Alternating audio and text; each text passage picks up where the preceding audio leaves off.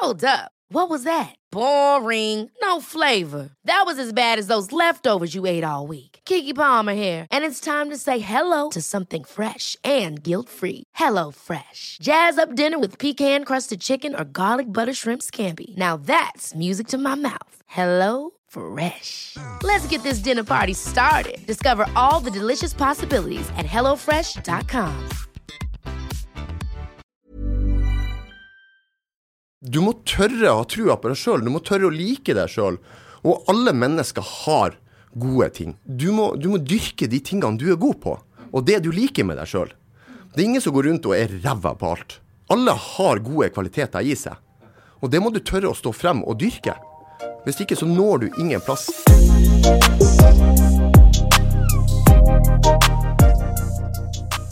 Velkommen til Input, podkasten som gir deg ny input i livet. Vi er Juni og Herman, og i denne episoden av Input søker vi etter input rundt det å være vinnerskalle, og hvordan vinnermentalitet dyrkes i et samfunn preget av janteloven. Må man være 100% kompromissløs for å nå målene sine? Og kan en vinnermentalitet overføres til andre aspekter av livet? Og ikke minst, er det en god eller en dårlig ting? For i et samfunn der vi i stor grad drives av suksess, så opplever vi at målene vi setter oss er veldig viktige. De aller fleste kan nok kjenne seg igjen i det at man prøver å få mest mulig ut av hver eneste dag for å sakte, men sikkert kunne komme dit man ønsker i livet. Samtidig så er inntrykket vårt at noen personer drar det enda litt lenger ved å sette seg noen helt konkrete mål som de jobber fokusert og helt kompromissløst mot. Derfor så er det interessant å kunne finne litt mer ut av hvordan denne formen for vinnermentalitet dyrkes. Hvordan smaker suksessen når den oppnås, har medaljen en bakside, og hvordan finner man balansen som gir de aller beste resultatene. Denne episodens tema er derfor vinnerskalle. Er du en vinnerskalle, Herman? Både og. Jeg er en vinnerskalle i konkurransesammenheng, spesielt i sportssammenheng. Og jeg hater å tape hvis jeg konkurrerer om noe rent konkurransemessig. Men jeg er ikke en vinnerskalle nødvendigvis i andre aspekter av livet. For eksempel så har det å være student vært en sånn greie for meg hvor jeg satte det ikke høyt nok å være best. eh, Og opplevde ikke derfor at jeg var noen vinnerskalle i den sammenhengen. Men så fort jeg kom på idrettsbanen etter jeg var ferdig på lesesalen, da var jeg en vinnerskalle. Og det er litt sånn interessante refleksjoner jeg har gjort meg, i hvert fall i forbindelse med eh, arbeidet inn mot denne episoden her.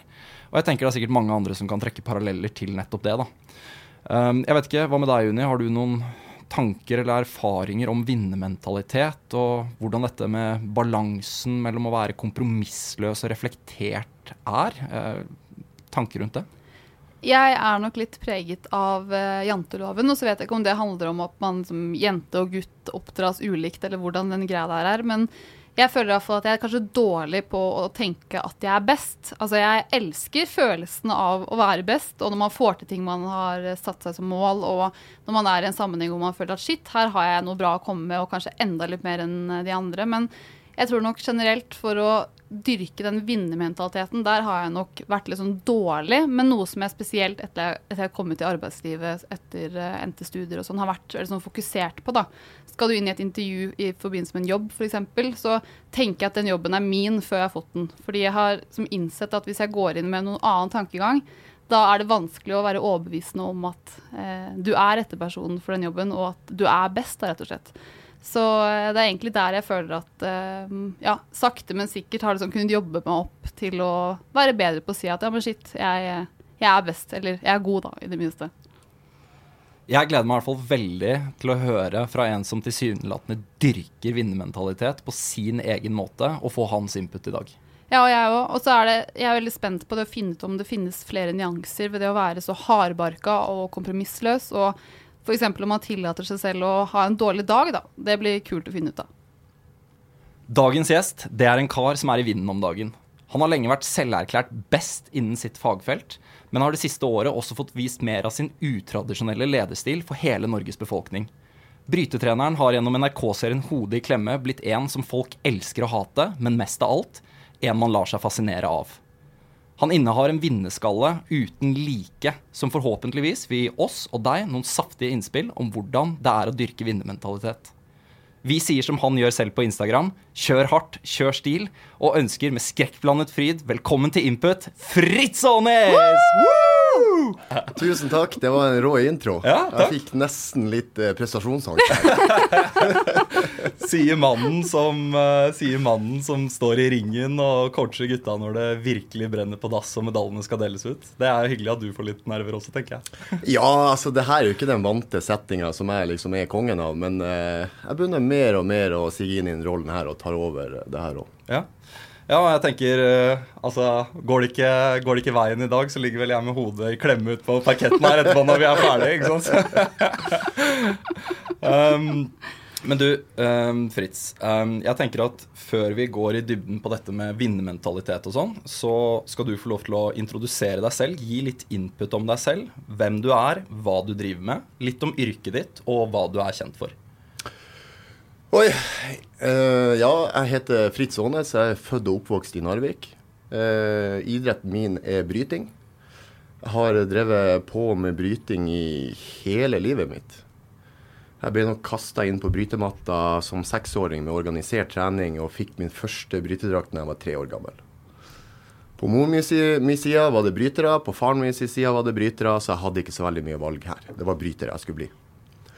Og det er klart, etter en lang karriere med mye turbulens, opp og ned, eh, så til slutt så ble jeg lurt til å bli trener, for det var faktisk ikke med Det var ikke meningen jeg skulle bli trener. Jeg hadde aldri lyst til å bli noen trener heller.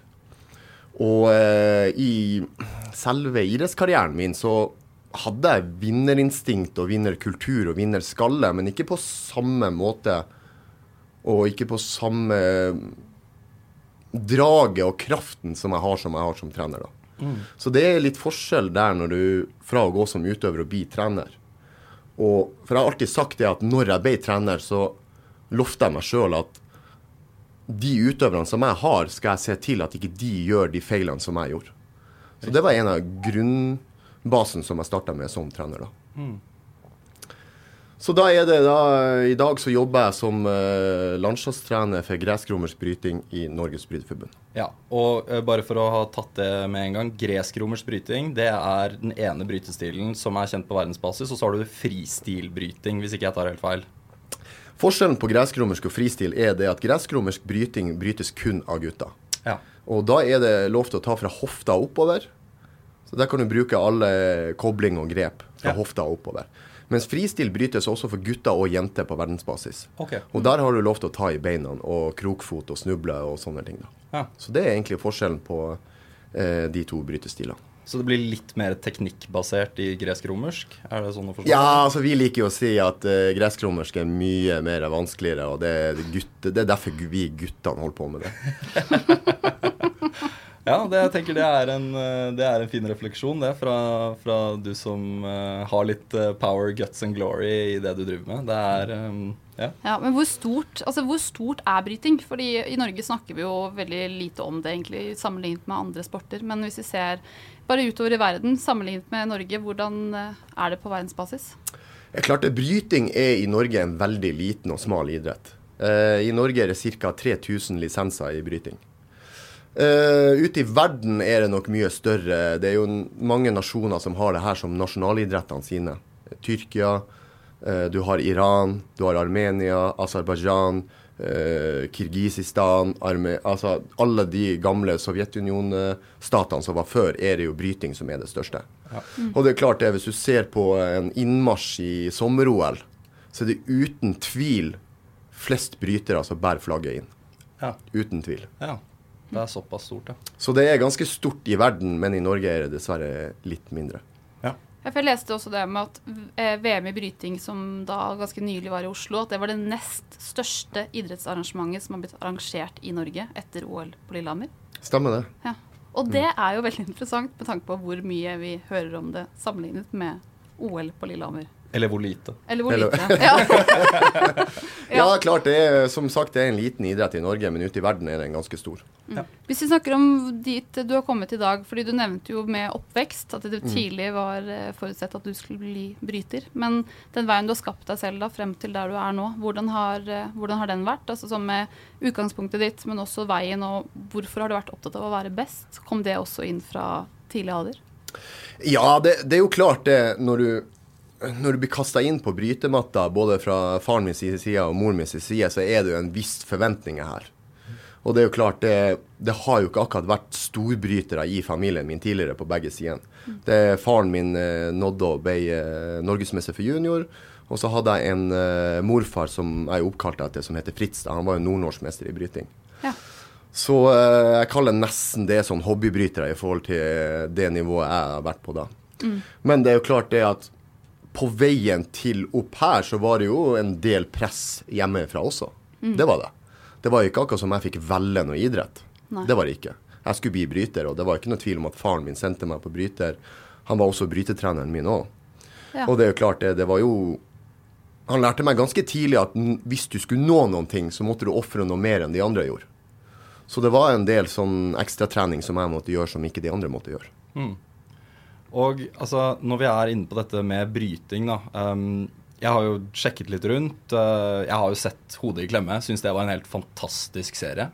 Uh, veldig inspirerende å følge et miljø som er så jeg vil si så genuint som det det er. Fordi det virker som det er en gjeng med ganske dønn ærlige karer som samles om én ting, og det er å prøve å bli best i sin vektklasse, da, ehm, respektivt.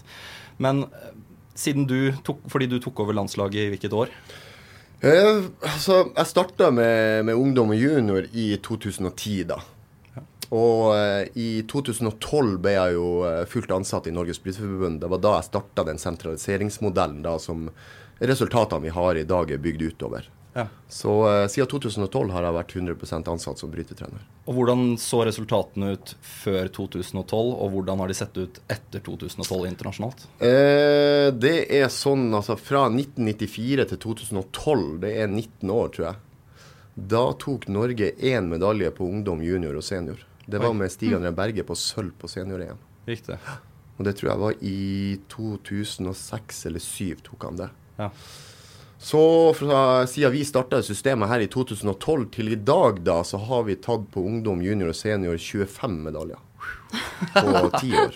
Det er ganske fantastisk, da. Så det er jo klart, det, i den veien som vi har bygd opp her, så er det jo mange som har vært med og bidratt. Men eh, jeg må jo være så ærlig å si at jeg som står bakom det meste, og er hjernen bakom alt det her. Ja. Så var jo det en litt sånn skrytehistorie om meg sjøl, da. Men det er klart det, skal du endre noen ting, så må du endre kulturen. Og så må du endre treningskulturen. Og skal du endre det, så må du forandre alt rundt det her. Du kan ikke starte bare litt her eller litt der. Da må du starte med at du forventer at de presterer. Det er akkurat som jeg brukte å si i begynnelsen. Jeg brukte å si at det er OK hvis du taper, hvis du har gitt 100 For da taper du mot en bedre mann. Men har du gitt 98% så blir jeg jævlig forbanna på deg. For da har du ikke gitt 100 og da er det ikke OK. Så den filosofien måtte vi få inn da i blant de norske utøverne i Norge. For det, det var litt sånn den at eh, kulturen i Bryte-Norge var liksom Det var OK å liksom tape bare du gjorde en bra kamp. Ja. Men den mentaliteten var vi nødt til å endre. Og det starta jeg ganske tidlig med, og var ganske brutal og hard med de yngre som kom inn også. For da begynner du tidlig å dyrke den vinnermentaliteten hos eh, de som skal opp i fremtiden, da. Ja, det er jo klart det. Du, altså, jeg jobber jo ikke med, med SFO. Det er ikke noe SFO jeg driver. Så når jeg starta med denne kulturen og bygge opp det her, så starta jeg med ungdom- og juniorlandslaget. Og da er de fra eh, 15 år og oppover. 14-15 år, det er da første gangen jeg får tak på dem. Og det er klart, det, de kommer fra klubber der de er litt stjerner, og de er fornøyde. De kommer fra en kultur der det er litt hyggelig og koselig og er litt SFO. Mens jeg var ikke interessert i SFO. For jeg var ikke her for å delta, jeg var her for å prestere og skape medaljer og forandre hele kulturen i norsk bryting. Så det er jo klart det Det må ha vært et sjokk da, for de som Ja, det var veldig mange som var sjokk, og det var veldig mange som var imot meg òg. Ja. Men etter hvert som resultatene begynner å rulle på, og det skjer ting, så begynner jo folk å bli mer og mer positive. positive. Men det er jo fortsatt folk som syns at jeg en dag i dag altfor hard. Men eh, ja, du kan jo skylde på typen Fritz Aanes. Kanskje han er for hard person, men kanskje vi kunne ha gjort det på en annen måte. Men jeg leverer resultater. Det har ikke de før meg gjort. Nei. På mange, mange år. Jeg leste jo litt om det òg, med at eh, det norske bytelandslagets motto er lojalitet, råskap og det å ta plass. Og da tenker jeg at liksom, hvis man da skal bli best eh, hos dere, hva er det man da må være villig til å ofre? Oi, du er nødt til å sette bryting som pri én i livet ditt. Og da mener jeg også foran familie og dama di. Ja. Det krever jeg. Og hvis du ikke gjør det, så mener jeg det, da er du ikke villig til å gå hele veien og ofre det som skal til for å nå de resultatene her. Fordi at Norge er såpass liten i verden, så hvis du skal nå noen ting, så må du ofre noe spesielt. Du må gjøre noe ekstremt, som de ikke andre gjør. For vi klarer ikke å konkurrere med konkurrentene våre med penger, med trenere, med system og antall brytere. Det har vi ikke sjans til. Vi må finne vår X-faktor, som er noen ting som de ikke andre har. Og Det er derfor jeg kom opp med de tre verdiene, som er lojalitet. Vi skal alltid backe guttene som er på laget. Og da mener jeg på matta og utfor matta. Ta plass eh, handler om å, eh, å vise at du er noen ting. Altså anti-janteloven. Du skal vise at du er det, men det vil ikke si at ikke jeg respekterer deg. Nei. Jeg kan godt respektere deg, men det sekundet du trør meg på tåa, så kommer jeg til å ta strupen din. For da gjør du noen ting som ikke jeg liker. Ja. Og det vil jeg vise deg direkte. At det her er ikke OK, det her er plassen min. Så du kommer ikke her og trør meg på tåa. Men jeg kommer fortsatt til å vise at jeg er her. Men jeg har fortsatt respekt for et annet menneske og en konkurrent. Det er to forskjellige ting. Og råskap handler egentlig om at du må prestere hver dag på trening, og du må presse deg sjøl til nye grenser. Og vi skal hjelpe hverandre med lojalitet og presse hverandre. Og vi skal gledes over resultatene til alle i laget som lykkes. Er det en som lykkes, er det så veldig mye enklere at en annen lykkes. Er det en som presser grenser, og du er i gruppe, så vil han han bakom ser jo faen, han presser noen grenser her, jeg vil også gjøre det. Så det er som en dominoeffekt på begge veiene, det her. Og det er utrolig deilig å se når den filosofien fungerer. For da gir det resultater. Og det er det som er jobben min, og det er det jeg lever av. Jeg lever av resultater. Jeg lever Altså, jeg betaler ikke um, regninger og hus og bil på at vi har det hyggelig. Altså, da får jeg sparken av Bryterforbundet. Hvis ikke jeg har resultater, så får jeg sparken.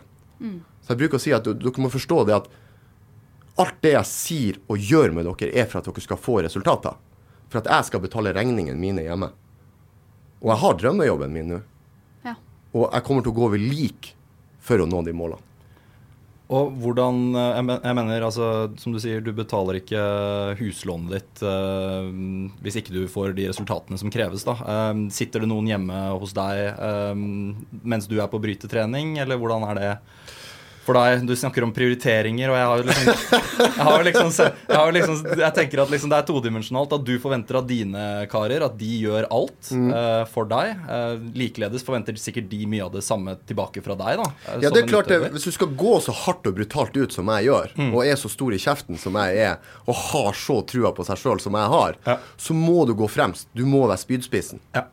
Så det er jo klart det. Jeg må også ofre mye for at de skal se at vi gjør det samme, at vi er likeverdige på mange måter. Så det er jo klart det eh, er jo mye mer rundt å reise med de guttene her enn jeg er med familien min. Ja. Og det er jo klart jeg, jeg har jo aldri vært på sånn skoleavslutning med dattera mi. Dattera mi er 13 år. Jeg har aldri vært på en skoleavslutning. Så det er liksom visse ting som jeg òg ofrer, som de også ofrer. Og det er klart det, når du reiser 180 døgn i året, så da er du ikke så mye med familien din. Og det er jo klart det, angående det med skoler, så, så Ofte når jeg er ute og reiser og sånne ting, så, så har jeg litt sånn dårlig samvittighet i forhold til dattera mi. Kun til dattera mi. Så hver gang så bruker jeg å ta henne med når jeg kommer hjem. Litt dårlig samvittighet, pappa, så skal vi liksom gjøre sånn en eh, pappa-datter-ting, da. Som regel så går vi på eh, Strømmensenteret. Hun får lov til å handle litt, shoppe litt, enten McDonald's eller litt kafé med noe bolle og brus og alt mulig sånn. I hvert fall det er en sånn vanlig prosedyre, da. Eh, kommer på strømmesenteret, litt stressa. Stig André Berge ringer meg, så jeg går med telefon. Vi går gjennom strømmesenteret, vi skal bort til en butikk som vi har avtalt.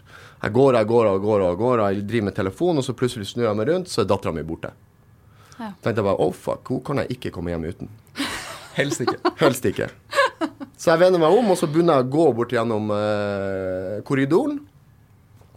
Uh, da ser jeg dattera mi står der. Og så da begynner jeg å gå imot henne, jeg sier ingenting, og der står hun og prater med en helt fremmed mann. Og der jeg tenker bare shit, hva som skjer her? Og kjenner jeg begynner å hisse meg sjøl litt opp her òg. Jeg kjenner nå får du en klikk, nå får du en klikk. Nå blir det å klikke, Fritz. Så jeg rusler vel antageligvis sånn 30-40 meter fra trynet til han mannen der som står og prater med dattera mi. Der jeg slår ut uh, armene og gir blikket mitt, så du kanskje har sett i hodet i klemme, Ja. til den personen her. Ja. Så han står faktisk helt rolig, og han bare kikker bort på meg litt sånn nervøs, der uh, dattera mi kikker opp på meg, så sier hun Hei, pappa, hils på læreren min. Ok. Ja, det, Så han hadde jeg ikke møtt før. Nei, Ikke sant. Ikke Jeg sant. trodde det var en fremmed barn. Selvfølgelig. Så det er litt sånn en liten sånn historie hva du egentlig ofrer med å være spydspissen i et sånt lag, da. Ja. Men for jeg tenker, Å ha kommet dit, altså den oppskriften du på en måte følger her, altså er det noe du selv har skapt, eller har det med hva du selv har fått presentert som en vinneroppskrift fra ung alder? Fordi For de fleste så høres det jo kjempeekstremt ut, ikke sant? Og det er liksom litt med hvordan Hvordan kommer man til de liksom den? Nei, altså, som jeg sa tidligere, det har jo liksom fra barndommen min blitt eh, lært at du må gjøre noe ekstra for å nå noen ting. Altså, altså du må ofre noen ting for å nå noen ting, eller få noen goder. Så, så akkurat den delen har jeg jo eh, lært fra barndommen, da. Men akkurat den mentaliteten, det med å ofre ting og være så tøff og rå og sånn, det er nok Det har jeg liksom lært mer av etter jeg la opp som utøver og ble trener, da. Det var liksom da jeg bestemte meg for å endre kulturen i hele norsk bryting. Og da måtte jeg liksom begynne å evaluere hva det er vi mangler, hva det er vi kan vinne på. Hva er det vi må gjøre for å kunne konkurrere med de beste. Og da må du ha en X-faktor eller gjøre noe ekstremt som de andre ikke gjør. Og sånn var det liksom evaluerte litt norsk bryting og fant en vei som jeg hadde veldig trua på, som jeg kjørte steinhardt på. Og så, jeg mener Og det leder veldig inn på det neste spørsmålet mitt, og det er hvordan blir man en vinner i et norsk samfunn som i stor grad er preget av jantelov? Og jeg mener sånn, Vi har jo hatt noen banebrytende profiler de siste ti årene. Altså Petter Northug, klassisk eksempel. Gir helt faen i alle sine meninger, kjører på, gjør sin greie, ender med å bli elsket. Jeg ser jo litt av den samme sånn tendensen i det å gjøre sin greie, drite helt i omgivelsene, i på en måte ditt fokus mot det å bli best. Um, men det er ikke så mange av dere som på en måte tør å gå all the way i det å være så ekstrem. Så hvordan ser du på, på det å liksom gjøre dette her i det norske samfunnet? Er, møter du mye motstand, føler du? Nei, for det første så vil jeg jo si det at janteloven er den største pissen jeg har hørt om i hele mitt liv. Okay. Det er den største møkka som jeg har funnet på. For jeg tror det at hvis du skal oppnå, ting, eh, oppnå noen ting her i verden, så må du tro på deg sjøl. Ja. Og tror du ikke på deg sjøl, så eh, gjør noe annet, da. Ja. Da kan du spille bedriftsfotball eller eh, gjøre noe annet. Da, da har du ikke noen store mål i livet ditt, mener jeg. Og det er jo klart det jeg hadde jo trodd, eh, eller jeg frykta jo egentlig når eh, den TV-serien kom på TV, at eh, jeg skulle liksom få litt sånn hatgrupper og få masse hatmeldinger. For at eh, jeg var ikke sikker på om Norge var klar for Fritz Aanes. og det var heller ikke mora mi. Så jeg satt egentlig bare og venta på at det skulle eksplodere, og det er klart, eh, den introen kom ut. Ja. Og da hadde vi ikke fått sett heller sjøl de episodene her, da. Og da tenkte jeg bare oh my god, den, er, den var litt hard. Og det er jo herlig, fordi det er vel i introen hvor du sier at det er ingen som rekker deg til knærne engang. ikke sant? Ja, Men det er det faktisk heller ikke. Nei, og det, og, og det tror jeg på. Det tror jeg på. Fordi jeg tror på deg ikke sant? som en sånn vinnerperson som dyrker resultater, og som faktisk får det til. Men, men det er jo interessant, da. Du sier ikke sant, etter dette kom ut, da. Hvordan var mottagelsen? Ble det hat? Ja, altså Det som skjedde, det var jo det at jeg satte meg egentlig klar på at hatmeldingen skulle begynne å komme. da Men uh, det bare dunka inn sånn uh, 300-400 meldinger hver dag i innboksen min. Og det gjorde det vel sikkert i et par måneder. Ja. Og uh, klart, det var, det var ei hatmelding. Én hatmelding. Ei hatmelding. Fantastisk, da. Så jeg tenkte bare shit, hvorfor har jeg ikke gjort det her før? Norge var klar for Fritz Aanes! Norge var endelig klar Ja. for litt uh, balls her. Ja, og det er deilig, ass. Jeg syns i hvert fall det er veldig fint at vi Så, har noen så folk ble faktisk, altså, sånn som du ser det, inspirert av at noen endelig turte litt å ta den plassen de hadde krav på, da, eller følte at de hadde krav på. Jeg tror det også. Så tror jeg veldig mange som sitter hjemme der, er drittlei av de politiske svarene til alle som skal være så jævla politisk riktige hele tida. Og jeg spyr når jeg hører sånne politiske svar. Ja. Det verste jeg vet i hele mitt liv, det er hvis jeg har en, en samtale med en person, og så sier de det var et godt innspill. Det er det dummeste jeg får. Hvis du svarer det til meg, så blir jeg, struper jeg over bordet. For det er akkurat det samme som at ja, det var, det var jeg null interessert i. Vet du hva, Fritz? Det du sa der, det var et godt innspill. Ikke sant? Ja, Ja, herlig. Ja, du, det er, jeg jeg syns dette er kjempehyggelig og veldig Men greia er at vi har gledet oss så sjukt, fordi vi har så ulikt utgangspunkt begge to, og begge to har så jævlig godt av å få litt input på dette her. Fordi igjen, jeg, Og jeg vet ikke hva det avhenger av, om det er liksom gutt, jente, oppvekst der som har noe å si, men den der med at man ja, lever i et samfunn hvor man på en måte ikke skal si at man er god, at man er best, og opplever også det fra omgivelsene dersom du tør å stikke deg ut. Det ser man jo innenfor egentlig alle felt i Norge, da. Så det som er så utrolig spennende for oss ved å ha dette her, jeg tror at veldig mange unge har et veldig stort behov for å liksom tørre å satse litt tidligere òg. At mange kommer som voksne i Norge og har ikke prøvd. De har hatt lyst til å bli noe, hatt lyst til å få til ting, men så har de aldri bare turt å prøve engang, fordi de tror de har feila før de har startet. da. Og det, det er liksom noe som jeg bare håper inderlig at flere og flere får øynene opp for, fordi det er så synd at vi skal være en nasjon som ikke tør å gå frem. Ja, altså, jeg, forstår ikke hvorfor det ikke er lov å digge seg sjøl i Norge. Nei. Det forstår jeg ikke. fordi at eh, med å, å ha et godt selvbilde og like det man gjør, og er god på noen ting man gjør, og tør å si det, det gir jo selvtillit. Så er det jo selvfølgelig visse grenser på hvor du, hvor du kan gå i veien. Jeg hadde en gang en eh, leder i Norges Bryteforbund, han var også president, en eh, gammel legende i brytesporten som heter Øystein Davidsen. Han sa en gang til meg Fritz, du er den eneste jeg kjenner som onanerer til seg sjøl i speilet. Så det, det er kanskje satt litt på spissen, men allikevel. Du må tørre å ha trua på deg sjøl. Du må tørre å like deg sjøl. Og alle mennesker har gode ting. Ja. Det er bare Mom deserves the best, and there's no better place to shop for Mother's Day than Whole Foods Market. They're your destination for unbeatable savings, from premium gifts to show-stopping flowers and irresistible desserts. Start by saving 33% with Prime on all body care and candles. Then get a 15-stem bunch of tulips for just $9.99 each with Prime. Round out Mom's menu with festive rosé, irresistible berry chantilly cake, and more special treats. Come celebrate Mother's Day at Whole Foods Market. Du må, du må dyrke de tingene du er god på, og det du liker med deg sjøl. Det er ingen som går rundt og er ræva på alt. Alle har gode kvaliteter i seg, Ja. og det må du tørre å stå frem og dyrke. Hvis ikke så når du ingen plass. Helt klart. Og det er helt klart det, er liksom, det største tipset dem. Tro på deg sjøl. Alle er gode på noen ting. Ja. Og det må du tørre å stå frem og vise at du er god på noen ting.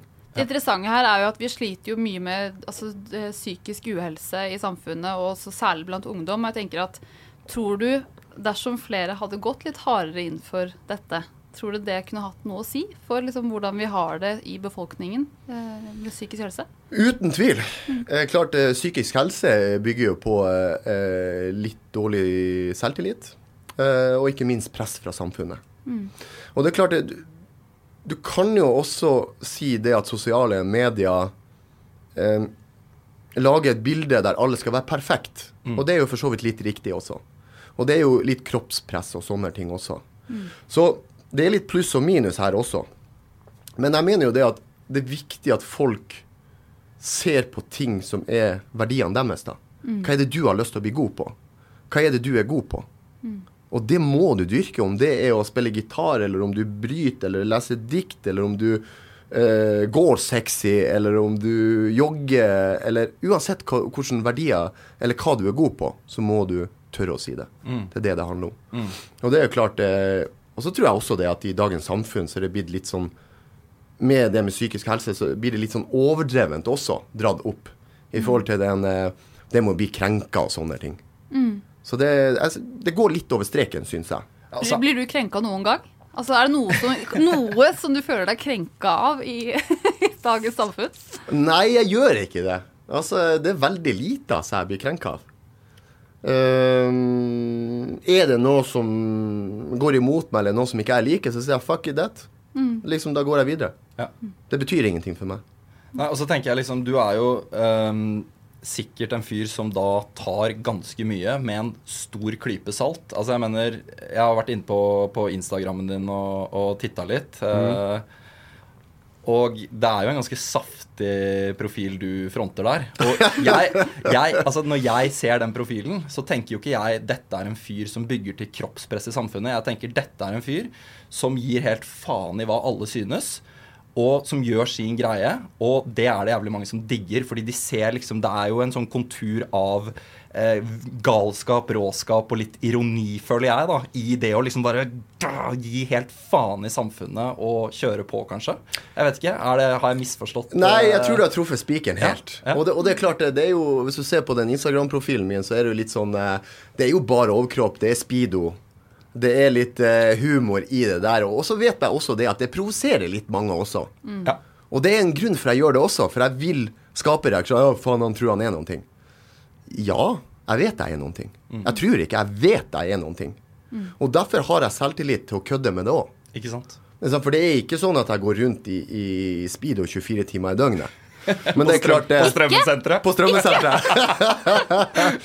Men det er klart, du må ha litt guts når du stiller deg opp da i, eh, i bare speedoen og bare overkropp og kjører all in der. Så er det en litt sånn blink i øyet med også det at eh, når du kjører litt hardt også, så må du også tåle, tåle at du blir kødda med, og, og folk slenger noen kommentarer tilbake. Ikke sant? Det Og det handler litt om å gi og ta også, for at eh, klart, kommentar, kommentarene mine sitter jo ganske løst òg på andre. Så du er ikke så opptatt av å bli likt? Nei, altså Alle mennesker liker jo å bli likt. Så det er jo litt feil å si at jeg ikke, lik, eh, at jeg ikke bryr meg om at folk liker meg. Men det er helt uinteressant om utøverne mine liker meg. ja. For det er jobben min. Ja. Fordi du må skille mellom jobb og privat. Klart Som privatperson så har jeg jo lyst til at folk skal like meg. Og jeg har jo lyst at utøverne òg skal like meg. Men ikke på kompromiss av resultater. Da vil jeg heller at de skal hate meg døgnet rundt. Så lenge de presterer.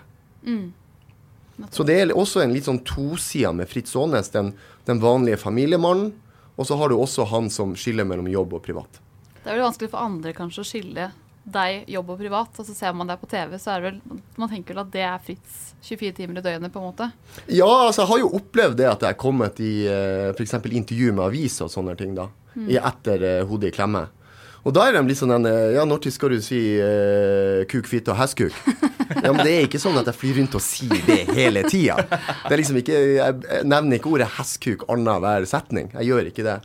Men det er klart, det, hvis TV-crew TV-crew filmer meg og følger meg ett år, så blir det hestkuk et par ganger i løpet av de seriene. Selvfølgelig. Så Som det blir tatt, som blir tatt mange ganger, selvfølgelig, i Ja, en. TV-serie. Ja. Og så er du nordlending også.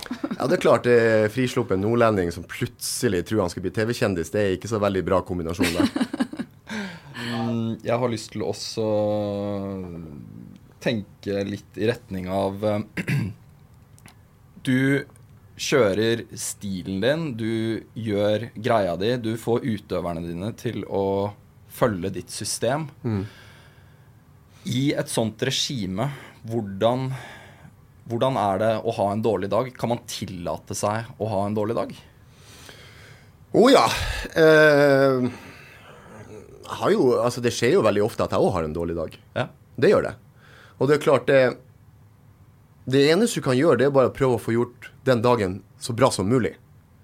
Fordi at har du en dårlig dag Altså, alle gjør feil. Det har bare noe hvordan du retter den feil. Ikke sant? Ikke sant? Og har du en dårlig dag, så havner Du kommer på deg sjøl at du har en dårlig dag. Og da må du bare klare å dra deg sjøl inn til å få en bra dag. For gjør du noe, noe gærent, så er det ikke Du får ikke gjort så mye med det. Du får bare endra det. Og så får du gjøre noe bedre ut av det. Så det er ikke noe vits å begynne å grave seg ned hvis du har en dårlig dag, eller du gjør noe dårlig, eller du opplever noe dårlig. Nei. Da må du snu det om til å tenke sånn Hva kan jeg gjøre bedre? For det som har skjedd, det får du ikke gjort noe med. Det eneste Du får bare endra fra det sekundet du oppdager det, og videre. Det er det du får endra. For du kan gjerne si sorry til en person, men du får ikke ta tilbake det at du klikka og skjelte han ut. Ikke sant? For det hender det flere ganger at jeg går for langt. Da jeg må prate med utøverne enten på kvelden eller dagen etterpå og si at eh, ja, det gikk kanskje litt hardt for seg i går, men eh, du forstår hva jeg mener. Og det, det du sier nå, det er typisk en dårlig dag for deg, da, hvis det bikker over på noe? Eller, eller er det andre ting som definerer at Nei, det er jo klart det, altså, det, det er mer det at, at det bikker over for meg et par ganger. At det går styringa over. Fordi at eh, i jobben min så, så er jeg ganske nøye med å planlegge og være klar og forberedt til ting. Så det er ingenting som kommer på treninga som en overraskelse. Nei. Jeg har alle papirene mine og planene og alt har jeg kontroll på. Men det er jo klart, det, det, du kan jo gjøre feil på programmet, men det er små detaljer som går feil. Det er ikke store feil, så det er bare å si at Det er ikke eh, dagen. liksom, Nei, det er ikke dagen som går Nei. i vasken. Nei. Så det er jo eh, kvikke endringer, så mest sannsynlig så merker de ikke at den feilen skjedde, og så later du som ingenting, og så peiser du på videre. For det er lett å tenke med ditt utgangspunkt at liksom, ja, når du snakker om en dårlig dag og bare vri det om og sånn, så er det veldig mye lettere for deg enn mange andre. Men samtidig så tenker jeg det er veldig relaterbart for de fleste å skifte, liksom prøve det minste å skifte fokus. Som du sier, hva kan man, på en måte få, hva kan man gjøre bedre? Og jeg tenker det er vel litt sånn uavhengig av hva du kommer inn i den dagen med, da. Ja, det er som jeg sier, altså det som har skjedd, eller den situasjonen du, du står i, du får ikke gjort noe med det som har skjedd. Nei. Du får bare endra det som kommer til å skje. Og det er klart, ikke heng deg opp i det som har skjedd. Ta heller og se hva kan jeg gjøre bedre nå videre, for at det skal bli en bra dag. Er Eller det en bra andre, situasjon. gjelder det andre aspektet også av livet og trening? Mm. Eh, at Samme greiene der at man ikke skal henge seg opp i det som har skjedd. For du har jo også snakket om at ikke du oppnådde de resultatene du vil kanskje selv, eller mm. for utøverne. Er det det som på en måte er litt oppskriften her? At man alltid vender fokuset til hva kan vi gjøre bedre hele tiden? Ja, det vil jeg si. Jeg tror at uh, den positive tankegangen gjør deg til en bedre eh, menneske, da, eller en bedre versjon av deg sjøl, rett og slett. Så ikke heng deg opp i alt det som går gærent, eller det som Ta heller og se på det positive og endre om det og gjøre det bedre fremover.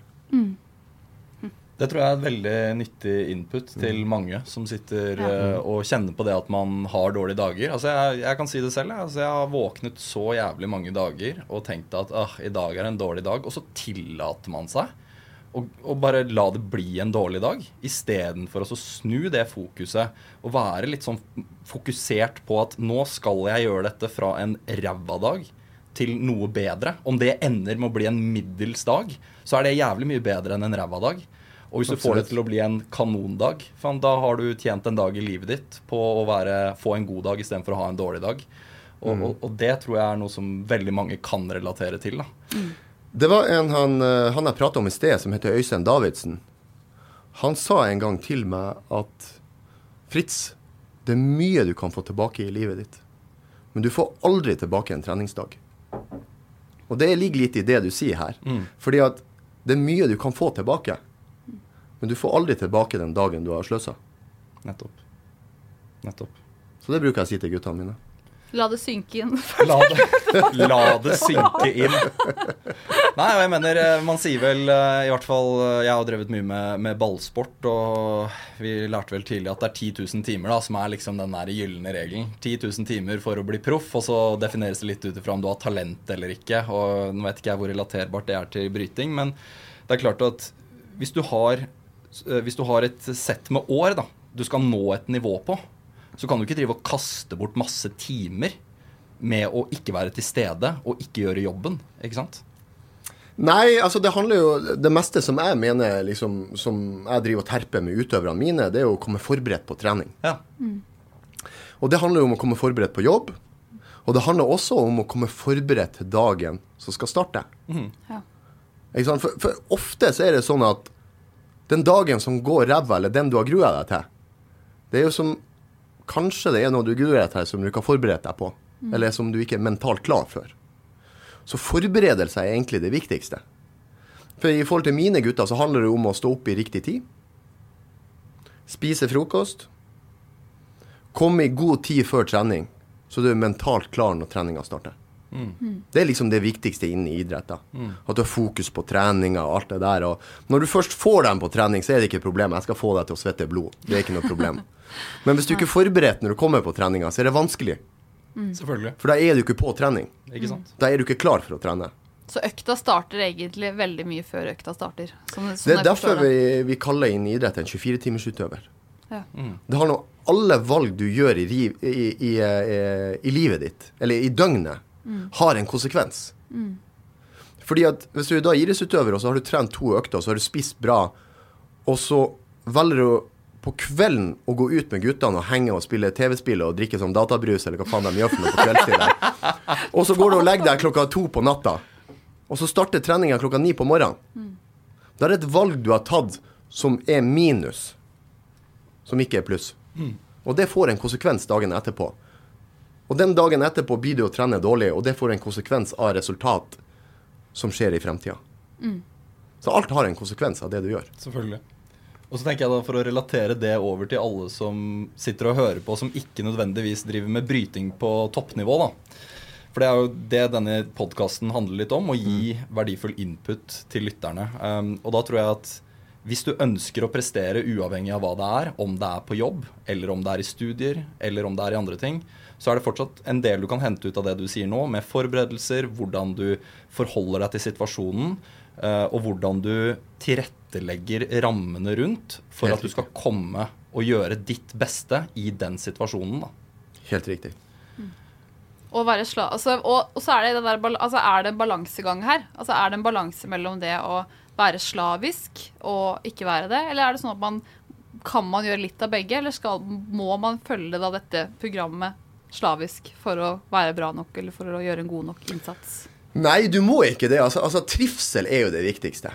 Så selv om du er seriøs altså, Jeg bruker alltid å si sånn det, det er lov å ha det gøy selv om du er seriøs. Og det er klart, i guttehumor så er jo liksom promping og fising og, og, og sånne ting. Det er jo humor som vi syns er kjempegøy, som ikke jentene syns er gøy. Dere har sikkert andre typer humor som dere syns er gøy. Men du må trives med de du er sammen med. Du må trives med det du gjør. Ja. Så trivsel er noe av det viktigste. Og det, det er klart det Jeg vet ikke om jeg skal si det her, da. Kanskje når Si alle det, leder si det, si det. Kanskje ikke alle bør høre det her, da. Men eh, drit i det, da. Jeg reiser jo rundt med de her guttene i hele verden. Og det er klart det, det meste de opplever, er et hotellrom og en treningshall. Så når vi er, er på konkurranse, la oss si i Tallinn, så ser de alle i Tallinn sentrum. De kommer fra flyplassen i, på trening i treninghallen til hotellet. De står opp, de spiser, de er i konkurransehallen. De er tilbake, de spiser, de sover. Ny dag. Sånn holder de på. Og dagen etterpå så reiser de hjem. Ja. Så når de har vært i Tallinn, så har de ikke vært i Tallinn. De har vært på et hotell og et, et, et, en konkurransehall. Det er det de har sett av Tallinn. Ja. Så veldig mange bruker å si 'Å, du er så heldig, du reiser så mye', å, men det er bare få dager. Du har Vi, sett veldig mange hotellrom. ja, ja, veldig mange franser. Så det hender noen gang, selv om det er i de viktigste periodene, så ser jeg på guttene at de er sliten og de trenger en oppfrisker. Da bruker jeg det at jeg sier til dem 'Hei, gutta. Stikk på byen og drikk noen øl, og drikk dere litt full'. Men ikke drita. Litt full. Litt full, ja. Så det er liksom få litt humør og oppleve andre ting. Og, og kan komme hjem og si at faen, det var kult i Tallinn. der Jeg var i sentrum der og var på en bar og kosa oss litt og dansa med litt damer og kyssa litt. Og. Ja, ja, ja. Herlig. Ja, men Så noen ganger trenger man Man må trives òg, selv om Ja. det er lovt å ha det gøy selv om man er seriøs. Ja. Det syns jeg er et bra eh, strofe. ja. Ja, absolutt. Absolutt. Og jeg mener noen uh, type arbeidsplasser er jo veldig flinke til å tilrettelegge for det. Eh, andre kanskje ikke så gode. Det høres ut som dere klarer å implementere en sånn form for balanse, men selvfølgelig så vekter jo veldig mye mot at dere driver med toppidrett, da, og at det er helt ekstremt, ikke sant. Um, Jo da, det er jo klart det. Det er jo, det er jo mye Det er jo den lagfølelsen der. Altså, de ligger jo, som jeg sier, de ligger jo mest på rom med hverandre og ser i taket. Ja. Og teller hvor mange fiser han kompisen har sluppet i løpet av de siste 24 timene. Eller om Morten har fått seg ny tann. Da. Ja, ja, ja, ja. Ja, ja. Så det er jo det er snart ikke tenner igjen. Nei, for faen, jeg syns det er så fascinerende. Altså. Dere gir så jernet på, på, på de greiene der. Altså, Det er så mye blod og bandasjer og er helt fascinerende. Altså. Men du vet eh, hovedgrunnen for at Morten har så mye kutt og, og lite tenner? Nei. Det er ikke det at han er så aggressiv, eller sånn, det er bare det at han har jævlig svært hode.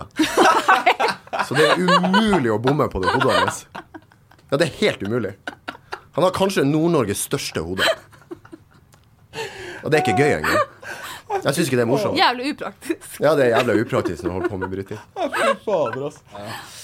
Men jeg tenkte litt på, eh, fra start og der du er nå, hva er det viktigste du har lært i denne prosessen? Fra du startet som trener, og så har du prøvet og feilet sannsynligvis også. Og hvordan, hva ser du på som det aller viktigste? For du har jo hatt litt ulike assistenttrenere også, og blant annet nå er det jo Stig André Berge også som er assistenttrener, som i hvert fall gjennom serien har vist å ha noen kvaliteter som kanskje fremstår på en annen måte enn dine, som jeg vil tro at er en god dynamikk. Men har du der, lært noe eh, derfra? Fra de du har med deg, og tiden du har vært trener? Oi, oi, oi, jeg har lært veldig mye av de som har vært med meg. Det, det er klart, det, det er som jeg sa, det er som er hjernen bak alt det her. Men det er jo klart, jeg hadde aldri fått til det her hadde jeg ikke hatt de personene som var med meg på veien.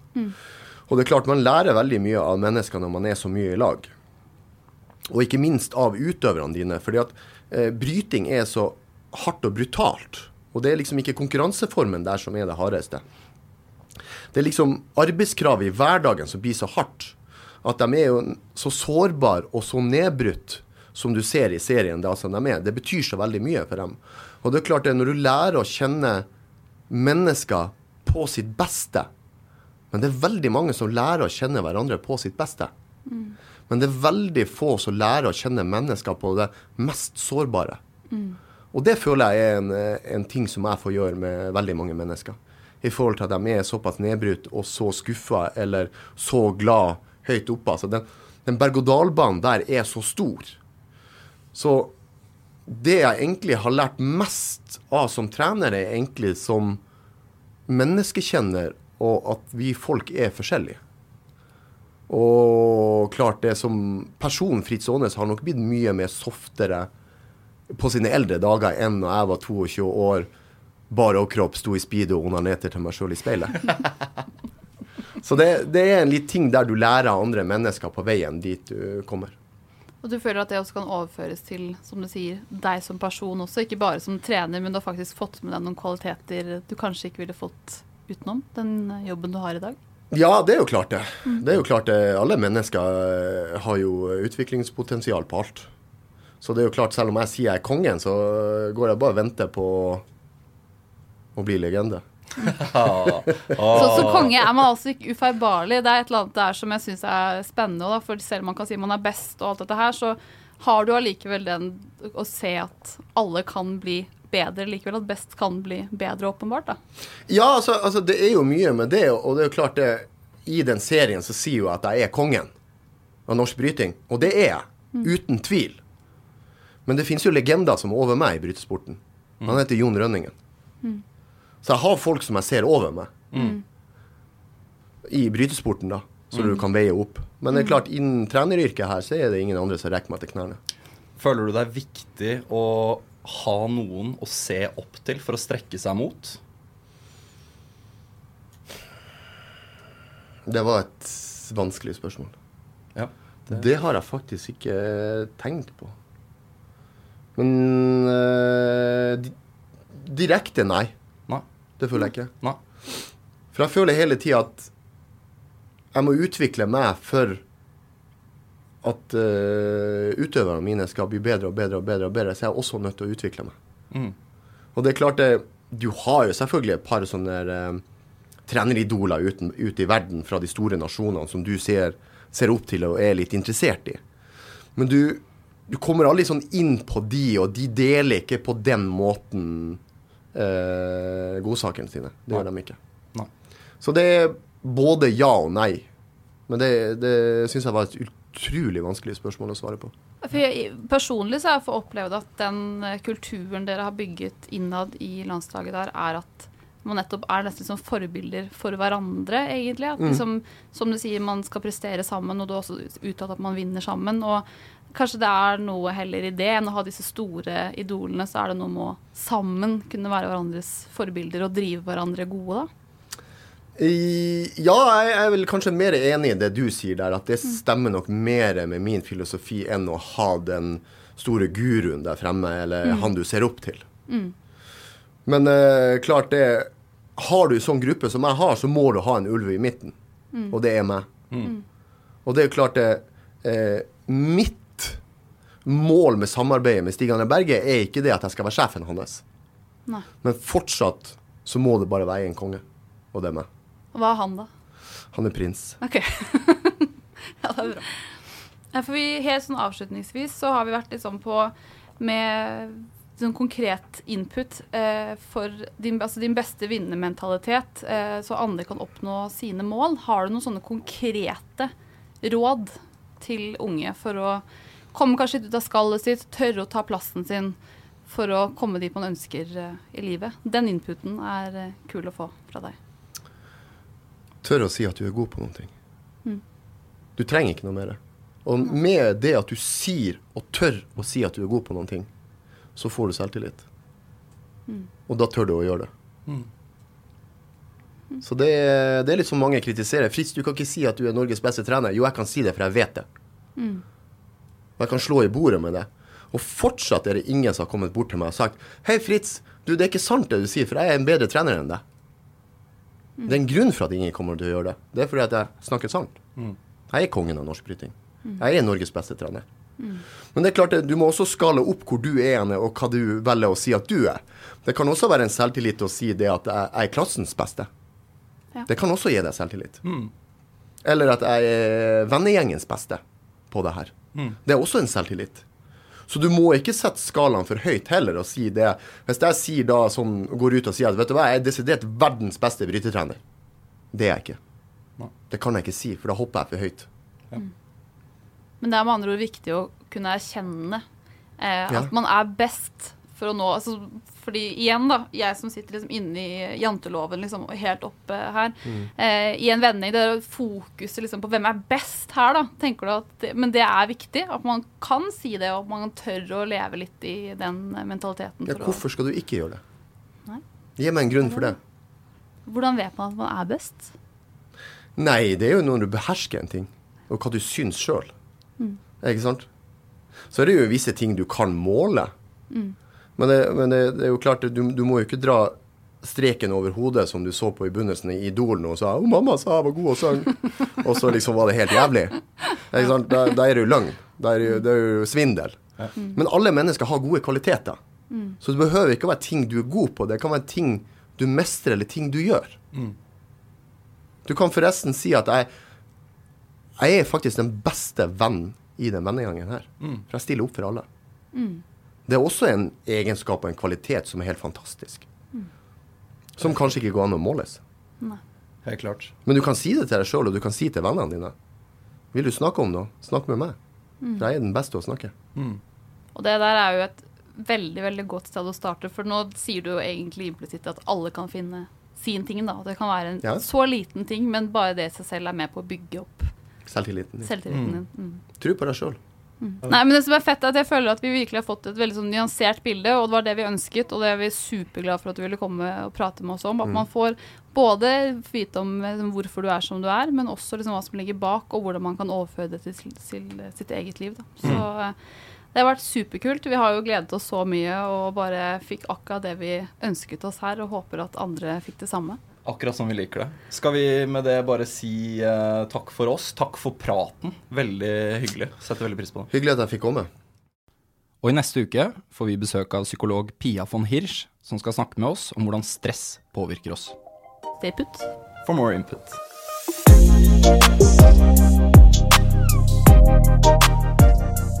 Eccentric people.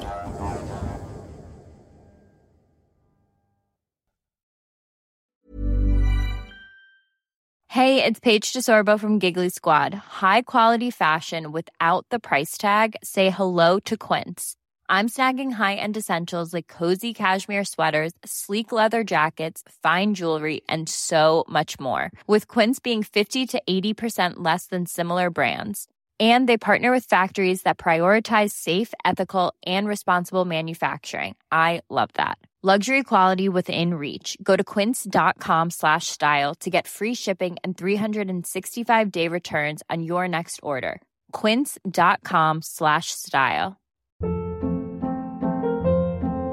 Hold up. What was that? Boring. No flavor. That was as bad as those leftovers you ate all week. Kiki Palmer here, and it's time to say hello to something fresh and guilt-free. Hello Fresh. Jazz up dinner with pecan-crusted chicken or garlic butter shrimp scampi. Now that's music to my mouth. Hello Fresh. Let's get this dinner party started. Discover all the delicious possibilities at hellofresh.com.